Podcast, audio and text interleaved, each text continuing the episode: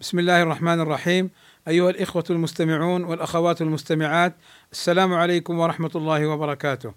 الظلم ثلاثة أنواع، الأول ظلم في حق الله، والثاني ظلم النفس، والثالث ظلم الغير. والإنسان يظلم نفسه بكل ذنب، قال شيخ الإسلام ابن تيمية رحمه الله تعالى: التحقيق أن ظلم النفس جنس عام يتناول كل ذنب، انتهى. فظلم في حق النفس باتباعها شهواتها وإيثارها لها على طاعة ربها وظلم في حق الخلق بالعدوان عليهم ومنعهم حقوقهم وظلم في حق الرب بالشرك به وظلم كله محرم بالإجماع وهو من أشد ما تستقبحه العقول.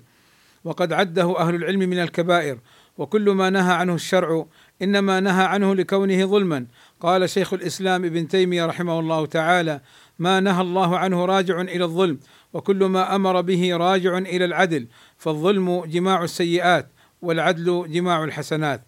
وظلم العبد لربه ولنفسه ولغيره يأخذ صورا كثيرة جدا كلها تجتمع في كونها ظلما محرما. قال ابن عبد البر الظلم حرام قليله وكثيره وتختلف آثامه على قدر اختلافه لأن للظلم وجوها كثيرة فأعظمها الشرك وأقلها لا يكاد يعرف من خفائه. وجملتها لا تحصى كثرة.